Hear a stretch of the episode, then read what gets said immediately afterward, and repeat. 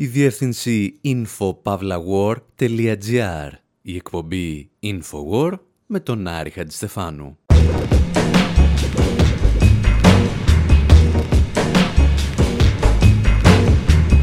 όπου σήμερα επιβιβαζόμαστε σε μαχητικά F-14 για να γνωρίσουμε έναν από τους μεγαλύτερους κάγκουρες της βιομηχανίας του θεάματος. Αναρωτιόμαστε γιατί έπρεπε να αποφασίσει το Πεντάγωνο ποια θα είναι η κοπέλα του Τόμ Κρούζ και γιατί το Κογκρέσο αντιμετωπίζει το Top Gun σαν μνημείο του ανθρώπινου πολιτισμού. Παρακολουθούμε τις σχέσεις των πολεμικών ταινιών με τις ένοπλες δυνάμεις και σκεφτόμαστε γιατί άραγε ο Forrest Gump, το Platoon και η Αποκάλυψη τώρα δεν έλαβαν δεκάρα τσακιστή από το δημόσιο κορβανά. Εν ολίγης συζητάμε για την ιστορία σχεδόν ενός αιώνα πολεμικού κινηματογράφου με αφορμή τη συμπλήρωση 30 χρόνων από την ημέρα που κυκλοφόρησε το Top Gun.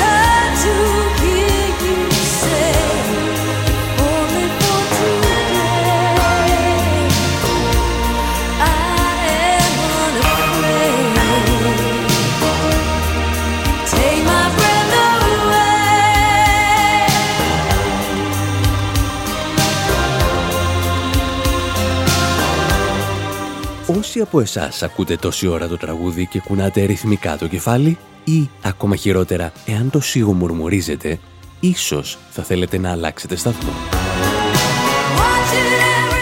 Γιατί εμείς σε αυτή την εκπομπή το μισούμε, σχεδόν όσο και το τραγούδι από τον Τιτανικό.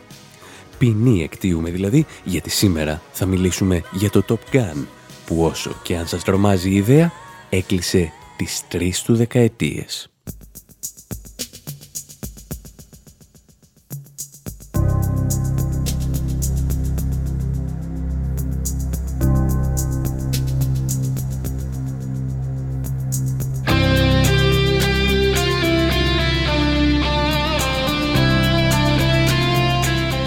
Ιστορία λίγο πολύ γνωστή. Ένας κάγκουρας με μηχανή, γυαλιά Ray-Ban και ένα κίτς δερμάτινο γεμάτο σήματα της πολεμικής αεροπορίας πηγαίνει στην καλύτερη σχολή πιλότων για μαχητικά αεροσκάφη των Ηνωμένων Πολιτειών. Ο φίλος του σκοτώνεται, αλλά αυτός κερδίζει τους κακούς που πιλωτάρουν MiG-28 της πρώην Σοβιετικής Ένωσης και έχουν όλοι ένα κόκκινο αστέρι στο κράνος. Κερδίζει επίσης το κορίτσι. Και ζει αυτός καλά και κάτι εκατοντάδες χιλιάδες άνθρωποι που δέχονται τους αμερικανικούς βομβαρδισμούς. Λιγότερο. Το ενδιαφέρον της υπόθεσης για εμάς είναι ότι το 2015 η Εθνική Επιτροπή για τη Διατήρηση της Κινηματογραφικής Παραγωγής αποφάσισε ότι αυτή η σαβούρα πρέπει να ενταχθεί στο αρχείο του Κογκρέσου, εκεί όπου φυλάσσονται έργα για την πολιτισμική, ιστορική ή αισθητική αξία τους. Προσοχή, δεν είπαν ότι είναι καλή ταινία, είπαν ότι έχει ιστορική σημασία και σε αυτό είχαν απόλυτο δίκιο γιατί το Top Gun σηματοδότησε το τέλος μιας ιδιότυπης κινηματογραφικής μεταπολίτευσης που ξεκίνησε με τον πόλεμο του Βιετνάμ.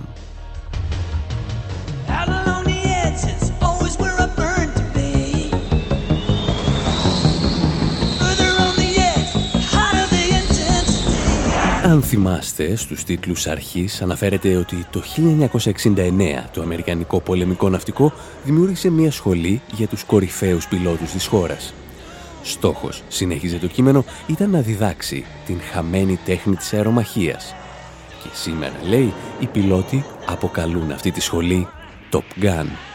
Τα εξηγούσε άλλωστε και ένας από τους εκπαιδευτές στην ταινία. During Korea, the Navy kill ratio was 12 to 1. Στον πόλεμο της Κορέας η αναλογία ήταν 12 προς 1. Καταρρύπταμε 12 μαχητικά για κάθε ένα από τα δικά μας. Στον πόλεμο του Βιετνάμ η ισορροπία έπεσε στο 3 προς 1. Οι πιλότοι μας στηρίζονταν περισσότερο σε πυράβλους και έχασαν την ικανότητα της αερομαχίας. Το Top Gun δημιουργήθηκε για να διδάσκει αερομαχίες. Μέχρι το τέλος του πολέμου του Βιετνάμ η αναλογία είχε επιστρέψει στο 12 προς 1.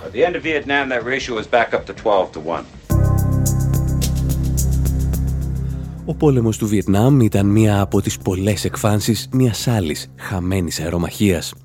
Με το δολάριο να χάνει το έδαφος κάτω από τα πόδια του και πολιτικά σκάνδαλα όπως το Watergate να συγκλονίζουν τις Ηνωμένες Πολιτείες, η Αμερικανική Αυτοκρατορία κλειδονιζόταν στη θέμελα. Και το Hollywood που πάντα αφουγκράζεται τέτοιες καταστάσεις χρειάστηκε δεκαετίες για να συνέλθει από την ταπείνωση στον πόλεμο του Βιετνάμ. Για να τα καταφέρει έπρεπε να περιμένει ένα δικό της άνθρωπο για να αναλάβει τον έλεγχο της χώρας. Έναν ηθοποιό ταινιών δεύτερης κατηγορίας που άκουγε στο όνομα Ρόναλτ Ρίγκαν. Τα γεγονότα διηγείται εδώ ο Τζιλ Σκοτ Χίρον στο τραγούδι του B-Movie. Well, the first thing I want to say is mandate my ass. Because it seems as though we've been convinced that 26% of the registered voters Not even 26% of the American people, but 26% of the registered voters form a mandate or a landslide. 21% voted for Skippy and 3-4% voted for somebody else who might have been running. But oh yeah, I remember in this year that we have now declared the year from Shogun to Reagan, I remember what I said about Reagan. Minute.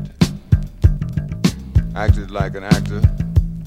Hollywood acted like a liberal, acted like General Franco when he acted like governor of California, then he acted like a Republican, then he acted like somebody was going to vote for him for president.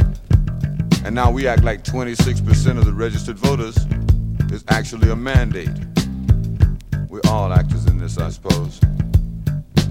What has happened is that in the last 20 years, America has changed from a producer to a consumer. And all consumers know that when the producer names the tune, the consumer has got to dance. That's the way it is. We used to be a producer, very inflexible at that, and now we are consumers and Ο Τζιλ Σκοτ Χίρον περιγράφει την Αμερική του Ρόναλ Ρίγκαν, ενός ανθρώπου που όπως λέει πρώτα υποδίθηκε τον ηθοποιό, στη συνέχεια υποδίθηκε τον φιλελεύθερο και κατέληξε να υποδίεται τον στρατηγό Φράνκο, τον φασίστα δικτάτορα της Ισπανίας. Ο Τζιλ Σκοτ Χίρον παρουσιάζει την άθλια κατάσταση της οικονομίας των Ηνωμένων Πολιτειών, που μετατράπηκαν, όπως λέει, από χώρα παραγωγό σε χώρα καταναλωτή και το μόνο που ξέρουν να κάνουν αυτές οι Ηνωμένες Πολιτείες είναι να αναπολούν το παρελθόν και να προβάλλουν τα μάτσο χαρακτηριστικά τους σαν μια ταινία. B-movie.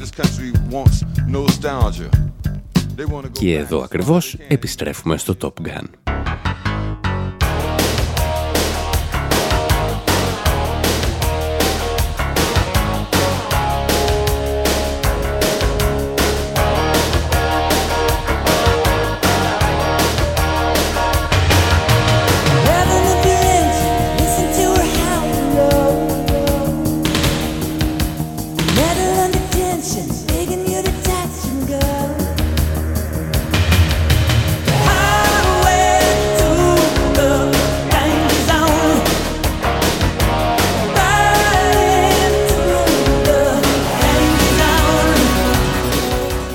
Top Gun δεν είναι μία ακόμη ταινία για τις περιπέτειες του Αμερικανικού στρατού. Είναι η στιγμή, όπως είπαμε, που το Hollywood ξεπερνά οριστικά την ήττα του Βιετνάμ και συστρατεύεται στο νέο μιλιταρισμό που εκφράζει ο Ρόναλτ Ρίγκαν. Dawn was just breaking over the beaches of Grenada when U.S. troops, along with a small force of Caribbean soldiers, landed on the tiny island nation. Ήταν η εποχή, όπως ακούμε και σε ρεπορτάζ του CNN, που το Πεντάγωνο εισέβαλε σε χώρες όπως η Γρενάδα, στην Καραϊβική. Επιχειρήσεις με ελάχιστες απώλειες για τις Ηνωμένες Πολιτείες που αναβάθμιζαν το προφίλ του Αμερικανικού στρατού. Όπως ο βομβαρδισμός της Λιβύης, με αεροσκάφη που απογειώνονταν από τις βάσεις του Ιντσερλίκ, στην Τουρκία. All but one American aircraft returned from the mission. U.S. patrols this morning showed the fighters on alert in the Mediterranean and the Sixth Fleet in a holding pattern. Σε αυτές τις συνθήκες, το Top Gun μετατρέπεται σε ένα μεγάλο διαφημιστικό διάρκειας δύο ωρών για τις Αμερικανικές ένοπλες δυνάμεις. Έξω από τους κινηματογράφους όπου πεζόταν η ταινία, το Πεντάγωνο έστεινε τραπεζάκια, όπου οι νεαροί θεατές μπορούσαν να στρατολογηθούν στις ένοπλες δυνάμεις. Τα πράγματα βέβαια δεν θα μπορούσαν να είναι διαφορετικά αφού ατύπως η ταινία ήταν μια συμπαραγωγή της Paramount και των Αμερικανικών ενόπλων δυνάμεων. Το Πεντάγωνο χρέωσε την εταιρεία για όλο τον εξοπλισμό που χρησιμοποίησε μόλις 1,8 εκατομμύριο δολάρια. Ένα αστείο ποσό αν σκεφτεί κανείς ότι συμμετείχαν από σχηματισμούς F-14 και F-4 μέχρι το αεροπλανοφόρο USS Enterprise. Σε αντάλλαγμα, οι παραγωγοί της ταινίας παρέδωσαν το σενάριο στην Επιτροπή Λογοκρισίας του Πενταγώνου και το πήραν πίσω, ξαναγραμμένο από τους καραβανάδες του Ρόναλτ Ρίγκαν.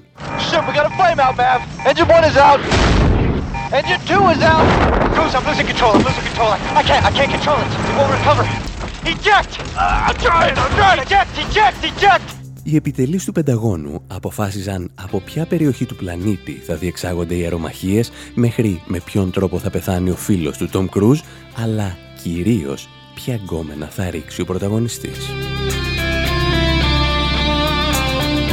Το αρχικό σενάριο, για να ξέρετε, προέβλεπε ότι θα ήταν και αυτή πιλότος, Καθώς όμως το πολεμικό ναυτικό απαγορεύει τις ερωτικές συνευρέσεις των αεροπόρων, αποφασίστηκε η λεγάμενη να υποδίεται μια εξωτερική συνεργάτηδα του Πενταγώνου με σύμβαση ορισμένου χρόνου. Excuse me, miss. Hey, hey, hey. Don't worry, I'll take care of this. You never close your eyes anymore when I kiss your lips. You're trying hard not to show it, baby. But baby,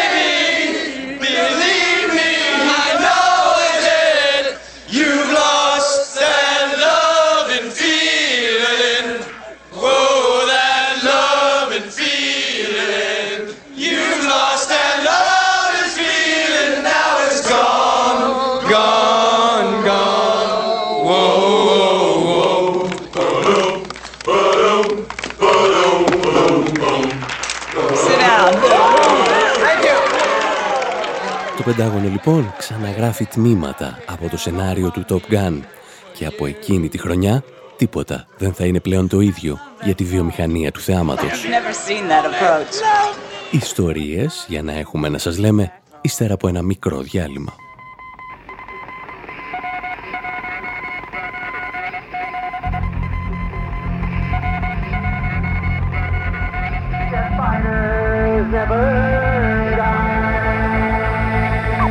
Mikey was a little boy. He loved to watch the clouds. he was born to fly. Mikey joined the Navy. His father was quite proud. Mother never wanted it that way. He got into the cockpit and rose up in the sky. Set his sights on Beirut, then he let his missiles fly. Boom, boom. Jet fighters never die. I don't know, but I've been told it's been said that God is dead. Jet fighters never cry. Jet fighters never die. The general smoked a Cuban blunt and rolled by the Reds. Then he poured a glass of scotch and tallied up the dead.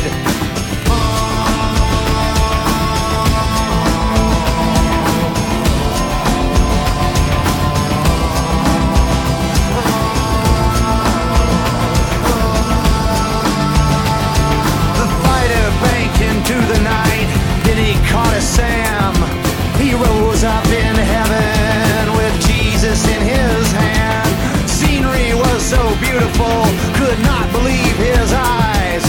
Then he spotted John Wayne, he knew he had arrived. Jesus interrupted him, he had something to tell. They had to speak with Allah. and he sent them Στην εκπομπή Infowar με τον Άρη Χατζηστεφάνου συζητάμε για τις μυστικές και όχι και τόσο μυστικές σχέσεις του Αμερικανικού Πενταγώνου με τη βιομηχανία του θεάματος. Και κάπου εδώ αφήνουμε τους δημιουργούς του ντοκιμαντέρ Operation Hollywood να συνοψίσουν όλα όσα έχουμε πει. Top Gun, made in 1986, marks a milestone in the history of the military's cooperation with the entertainment industry. Το Top Gun που παρουσιάστηκε το 1986 αποτέλεσε κομβικό σημείο για τη συνεργασία του στρατού με τη βιομηχανία του θεάματο. Αυτή η τεράστια εμπορική επιτυχία ανέστρεψε την αρνητική εικόνα που επικρατούσε για τον Αμερικανικό στρατό. Η Αμερικανική πολεμική αεροπορία γνώρισε τεράστια αύξηση στη στρατολόγηση και η γοητεία του Tom Cruise είχε παίξει αναμφίβολα ένα ρόλο. Επιτέλους ο στρατός κατάφερε να αφήσει στο παρελθόν τον πόλεμο του Βιετνάμ και μαζί άφηνε πίσω ταινίες όπως η Αποκάλυψη τώρα και ο Λαφοκυνηγός. Όλες αυτές οι ταινίες έγιναν χωρίς την υποστήριξη του Αμερικανικού στρατού και έβλαψαν το κύρος των ενόπλων δυνάμεων. All made without the military's support. These highly critical films damaged the credibility of the armed forces. Θα επιστρέψουμε στο δεύτερο μέρος της εκπομπής σε αυτές τις ταινίες για να δούμε τι ακριβώς πρέπει να κάνεις ώστε να γυρίσεις μια στρατιωτική ταινία και να μην σε χρηματοδοτήσει το Πεντάγωνο. Προς το παρόν, αυτό που πρέπει να συγκρατήσουμε είναι ότι το Πεντάγωνο είχε βρει ένα νέο τρόπο να ελέγχει το Hollywood. Καθώς η βιομηχανία του θεάματος απαιτούσε πιο ρεαλιστική απεικόνηση των πολεμικών συγκρούσεων, οι παραγωγοί είτε έπρεπε να νοικιάσουν εξοπλισμό από τις Αμερικανικές ένοπλες δυνάμεις, είτε να τον αγοράσουν απευθείας από την πολεμική βιομηχανία. Και επειδή το δεύτερο δεν γίνεται, προτιμούσαν να παραδίδουν τα σενάρια τους στις επιτροπές λογοκρισίας του Αμερικανικού κράτους και να τα ξαναπαίρνουν ξαναγραμμένα. Το αποτέλεσμα ήταν ότι μια αντιπολεμική ταινία λόγου χάρη είτε θα ήταν δεύτερης κατηγορίας αφού δεν θα είχε τον κατάλληλο εξοπλισμό είτε δεν θα κυκλοφορούσε ποτέ. Και αυτή η πολιτική επιλογή στη θεματολογία των ταινιών γινόταν γιατί το Αμερικανικό κράτος μπορούσε να χρησιμοποιεί τα χρήματα που έδιναν οι φορολογούμενοι στις ένοπλες δυνάμεις. Για άλλη μια φορά δηλαδή, η επιτυχία της ιδιωτικής πρωτοβουλίας στο Hollywood εξαρτιόταν από τα δημόσια ταμεία. Εσείς πάλι που δεν παίρνετε τίποτα από όλα αυτά, μένετε εδώ, γιατί στο δεύτερο μέρος θα μιλήσουμε και για κάποιους άλλους που δεν πήραν δεκάρα τσακιστή από τον Αμερικανικό στρατό. Κάποιον Oliver Stone, αλλά ακόμη και τον Forrest Gump. Θα συζητήσουμε για ελικόπτερα που πέφτουν στη Σομαλία με υπόκρουση τη μουσική του Μόμπι, αλλά και για τον Joseph Conrad που βρέθηκε μπλεγμένος με τους Doors. Μέχρι τότε, αλλά και κάθε μέρα, μπορείτε να μπαίνετε στο ανανεωμένο μας site info.pavlawar.gr και να μας λέτε τι σας αρέσει και τι όχι στη νέα του δομή.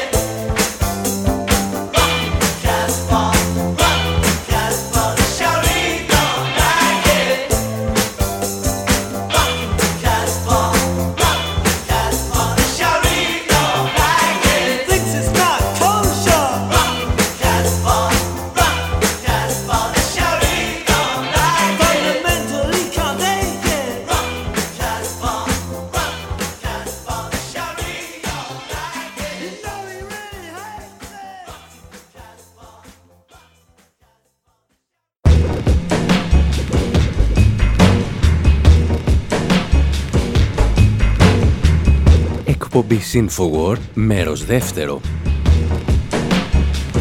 όπου αφού επιχειρηματολογήσαμε για το Top Gun, το οποίο έδωσε τέλος στη μεταπολίτευση που ακολουθούσε τον Αμερικανικό στρατό από τον πόλεμο του Βιετνάμ, ερχόμαστε να θυμηθούμε τις ιστορίες ταινιών που τα βρήκαν ή τα έσπασαν με το Αμερικανικό Πεντάγωνο. Και αυτή είναι μια σχέση αγάπης και μίσους που σύντομα θα κλείσει έναν αιώνα.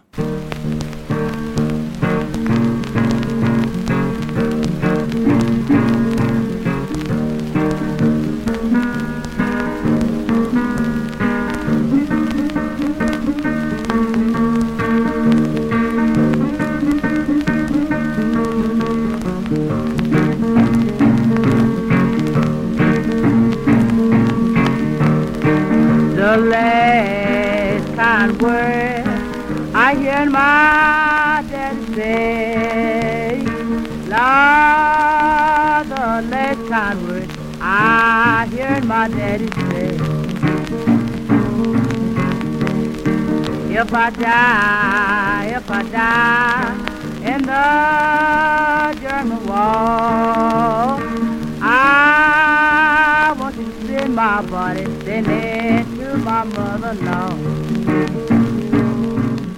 Αν πεθάνω στον Μεγάλο Πόλεμο, κλαψούριζαν τα blues του 30, θέλω να στείλεις τα λεφτά στη μητέρα μου.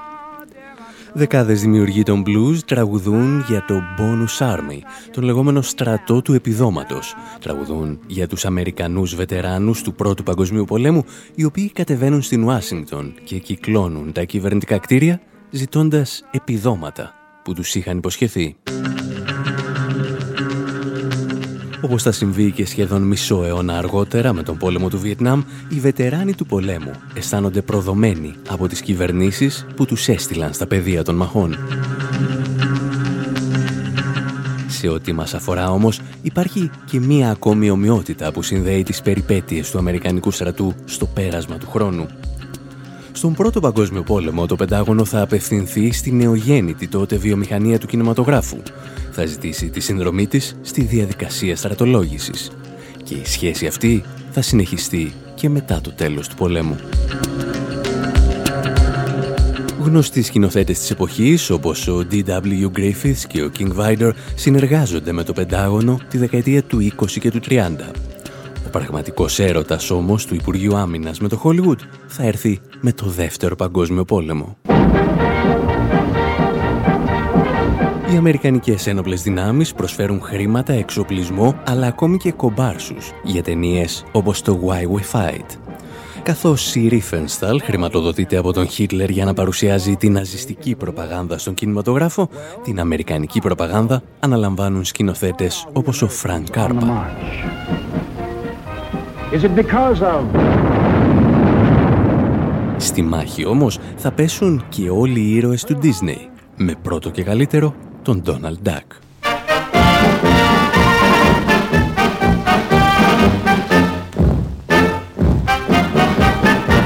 And the Führer says, the is the master race. The higher, higher, right in the Führer's face. Not to love the Führer is a great disgrace. So the higher, higher, right in the Führer's face. Ο Ντόναλτ βλέπει στον ύπνο του ότι είναι εργάτης στην ναζιστική Γερμανία και καθημερινά ακούει τους ύμνους του καθεστώτος. Ύμνους που εξυμνούν την αριαφιλή, ναζιστικά τραγούδια για τον Γκέμπελς και την ανωτερότητα του γερμανικού έθνους.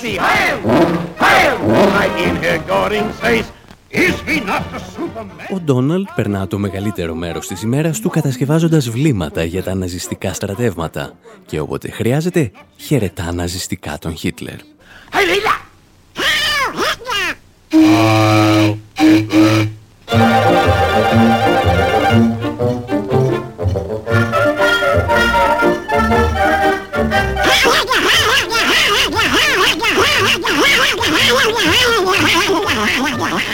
Ευτυχώς για τον Ντόναλτ όλα αυτά είναι απλώς ένα κακό όνειρο, γιατί στο τέλος της ταινίας θα ξυπνήσει τυλιγμένος με την αστερόεσα.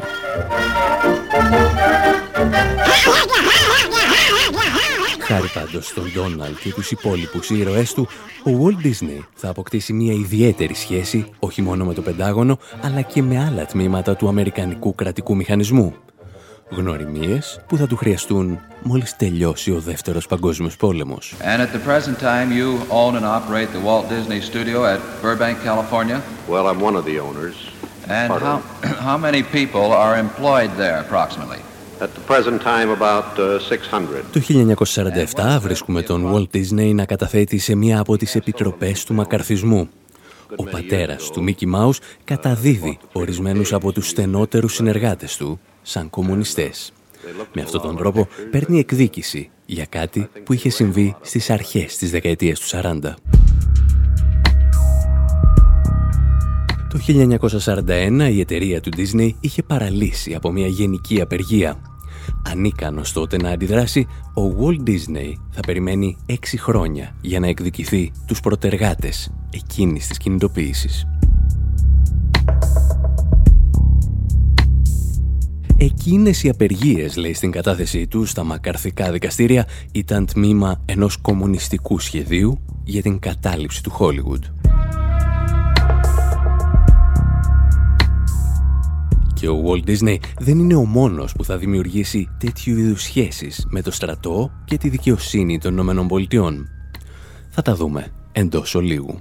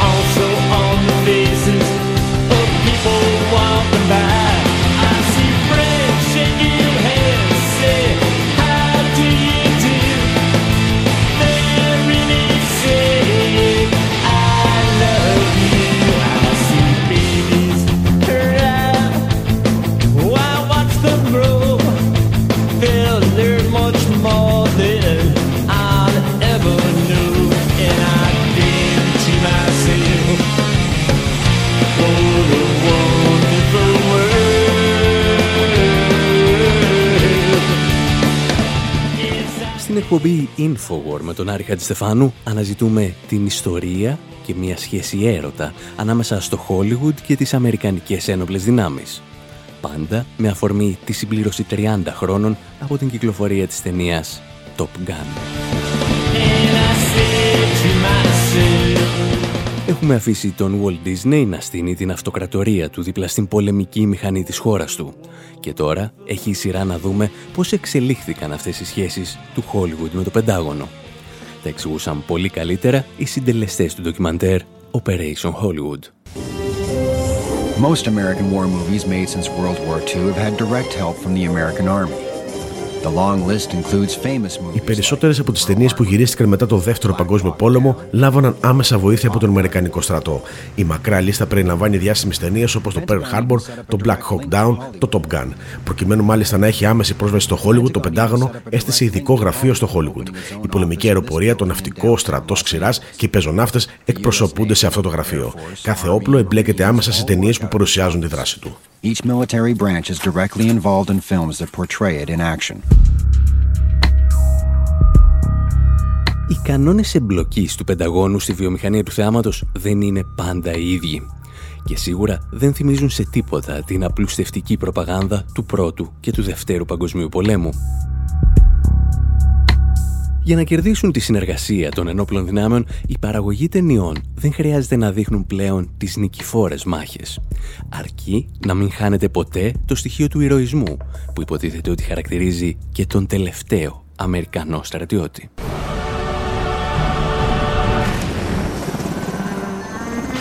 Even defeat can be shown Μπορούν να παρουσιάσουν ακόμη και την ήττα, αρκεί ο Αμερικανικός στρατός να δείχνει ηρωικό. Όπως παραδείγματος χάρη το Black Hawk Down, που παρουσιάζει την αιματηρή Αμερικανική επέμβαση στη Σομαλία το 1993. Ούτε αυτή η ταινία θα μπορούσε να γυριστεί χωρίς τα ελικόπτερα τύπου Black Hawk του Πενταγώνου.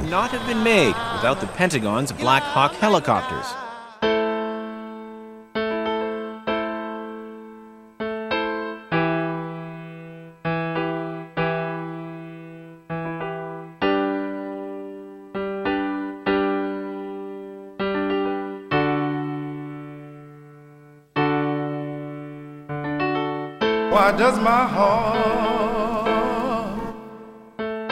feel so glad? Why does my soul feel so glad? Why does my heart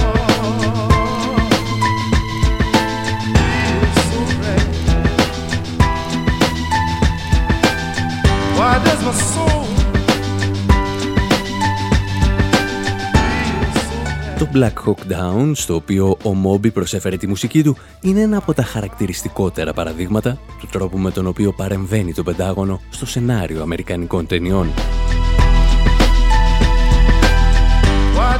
Οι επιτελείς της πολεμικής αεροπορίας ξεκαθάρισαν ότι οι παραγωγοί δεν θα έπαιρναν ούτε ένα ελικόπτερο Black Hawk αν δεν αφαιρούσαν συγκεκριμένες σκηνές που έδειχναν την αντιπαράθεση ανάμεσα σε διαφορετικές μονάδες του στρατού και των πεζοναυτών.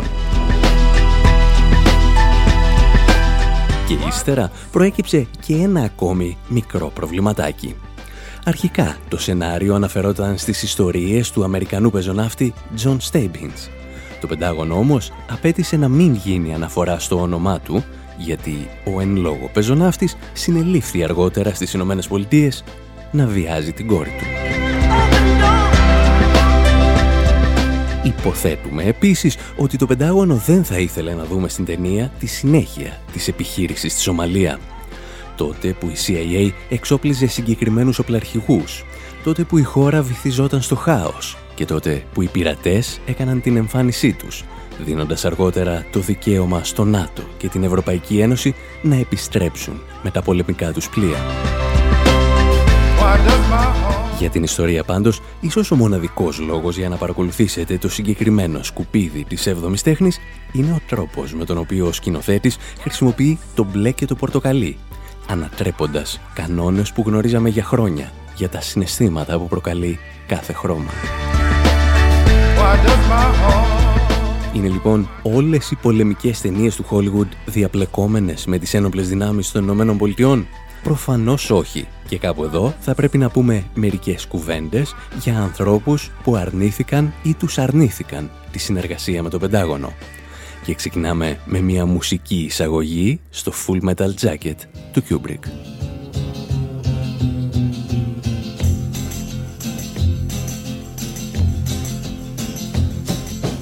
You keep saying you got something for me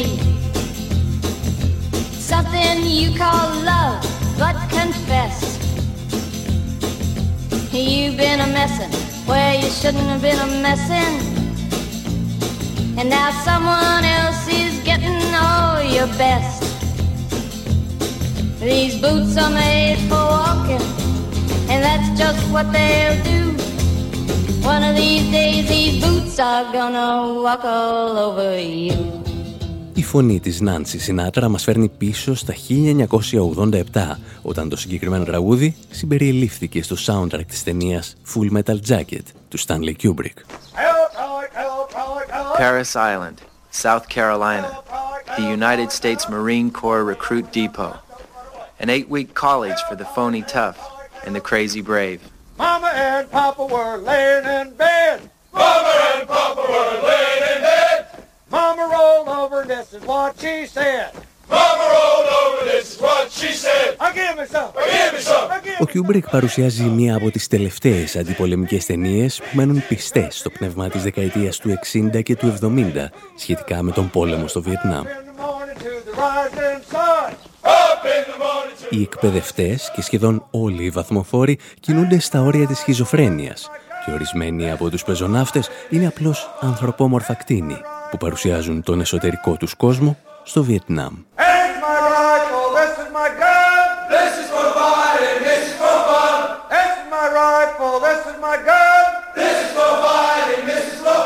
Όπως είναι φυσικό, το Πεντάγωνο που εκείνη την εποχή είχε ποντάρει όλα του τα χρήματα στο Top Gun ενοχλήθηκε και απείχε από την παραγωγή. Ο Κιούμπρικ πάντως θα καταφέρει να ολοκληρώσει το έργο του χωρίς ιδιαίτερα προβλήματα, καθώς δεν χρειάζεται ιδιαίτερο στρατιωτικό εξοπλισμό. Κάποιοι άλλοι σκηνοθέτες όμως πλήρωσαν ακριβά την απείθειά τους. Μας τα έλεγαν στο ντοκιμαντέρ Operation Hollywood. That was the case with Forrest Gump, a character too dim-witted for the Army's taste. Αυτή ήταν η περίπτωση με τον Φόρεστ Κάμπ, ο χαρακτήρας του οποίου δεν άρεσε στον Αμερικανικό στρατό. Επίσης, το πλατούν του Όλιβερ Στόουν, που κυκλοφορεί το 1986, δεν κέρδισε τη στήριξη του Πενταγώνου.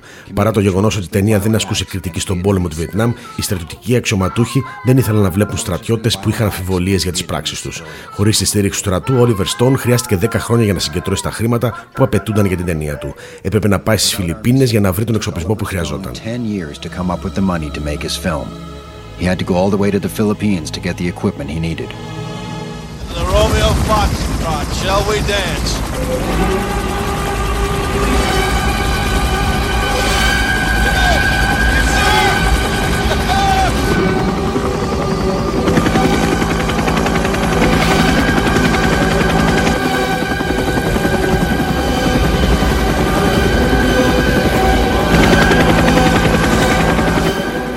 Παρόμοια προβλήματα αντιμετώπισε φυσικά και ο Φράνσις Φορντ Κόπολα στην ταινία του «Αποκάλυψη τώρα». Ο Κόπολα έκανε το λάθος να ασχοληθεί με το καταραμένο βιβλίο του Τζόζεφ Κόνραντ «Η καρδιά του σκότους». Και όπως έλεγε τότε ο σεναριογράφος της ταινίας, Τζον Μίλιους, ήταν ένα ατίθασο άτι, ένας ταύρος, τον οποίο πολλοί προσπάθησαν και ελάχιστοι κατάφεραν να δαμάσουν. Many people had tried to make Heart of Darkness. Πολλοί προσπάθησαν να γυρίσουν σε ταινία το έργο Η καρδιά του σκότου του Κόνραντ. Ο Όρσον Welles προσπάθησε να το κάνει και απέτυχε. Κανένας δεν μπορούσε να δαμάσει αυτό το έργο. Για εμένα ήταν λοιπόν σαν να κουνάνε ένα κόκκινο πανί μπροστά σε ένα νεαρό τάβρο. Waving a red flag in front of a young bull. Το Αποκάλυψη τώρα έχει πολιτογραφηθεί σαν αντιπολεμική ταινία, γεγονός για το οποίο εκφράζουμε έντονες επιφυλάξεις. Αν θυμάστε, ο κακός της ιστορίας αποτελεί και πάλι ένα μεμονωμένο περιστατικό, το οποίο η καλή διοίκηση του Αμερικανικού στρατού επιχειρεί να ελέγξει. Για τα δεδομένα του Πενταγώνου όμως, η ταινία περιείχε σκηνές που δεν προσέφεραν τίποτα στην πολεμική προπαγάνδα και ενδεχομένως να έκαναν και ζημιά. Το ημερολόγιο, αν θυμάστε, έγραφε 1979 και οι Ηνωμένες Πολιτείες προετοιμάζονταν για το νέο μιλιταριστικό δόγμα της δεκαετίας του 80.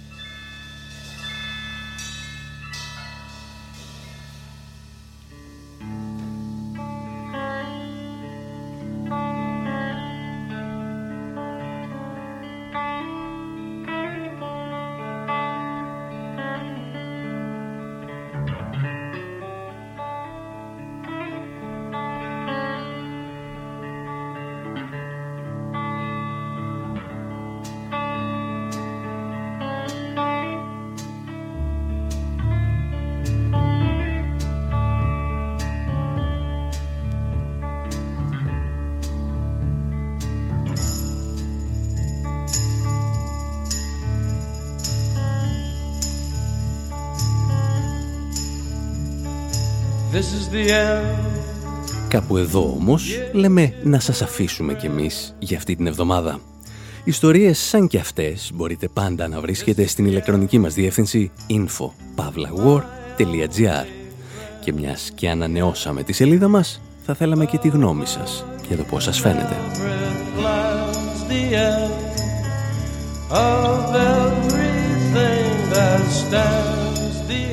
Μέχρι πάντως την επόμενη εβδομάδα, από τον Άρη Χατζηστεφάνου στο μικρόφωνο και τον Δημήτρη Σταθόπουλο στην τεχνική επιμέλεια, γεια σας και χαρά σας.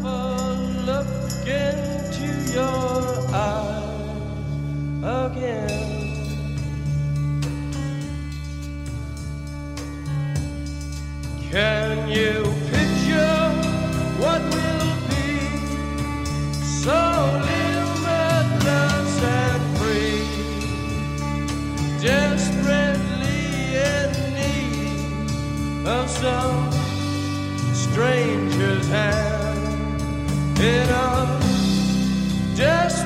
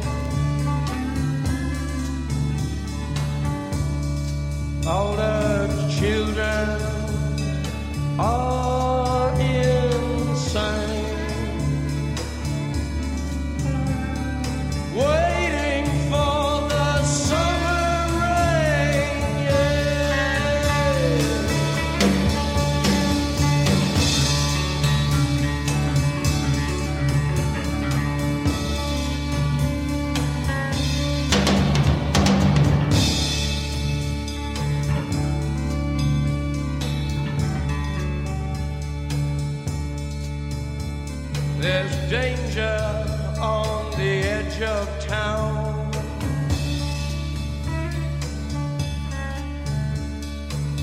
Ride the King's Highway, baby.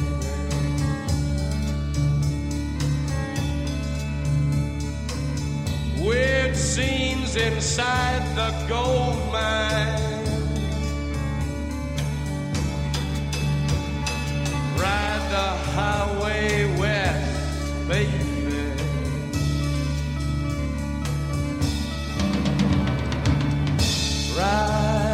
Snake, ride the snake to the lake, the ancient lake, baby. The snake is long, seven miles. Ride the snake. Old and his skin is cold.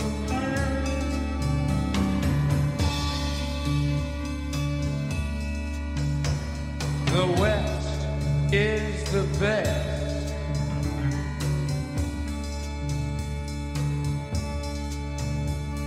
The West is the best.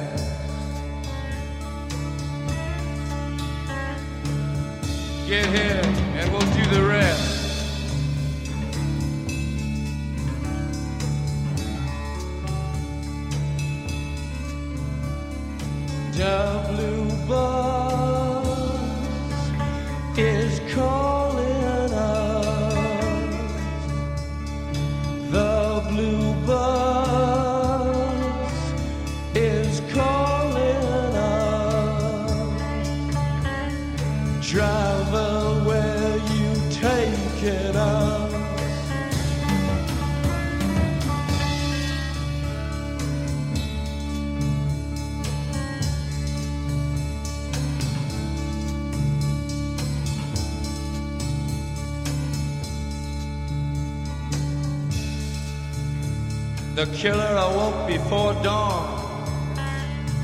Put his boots on.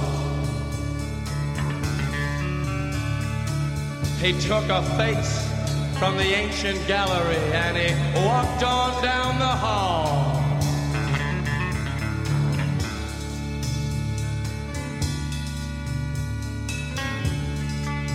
He went into the room where his sister lived and then he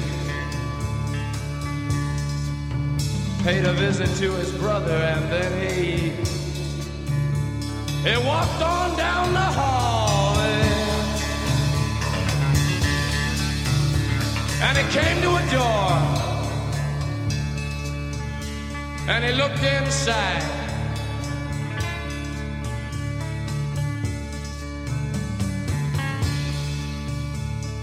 Father, yes son, I want to kill you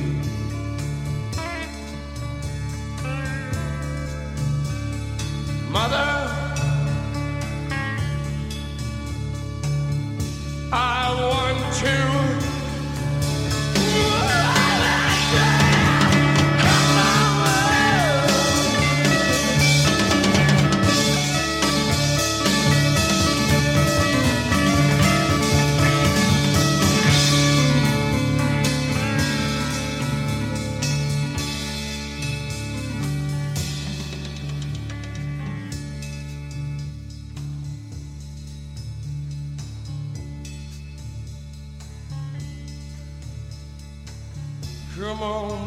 take a chance with us.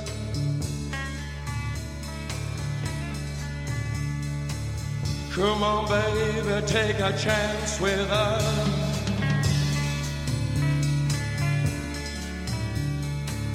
Come on, baby, take a chance with us and meet me at the back of the.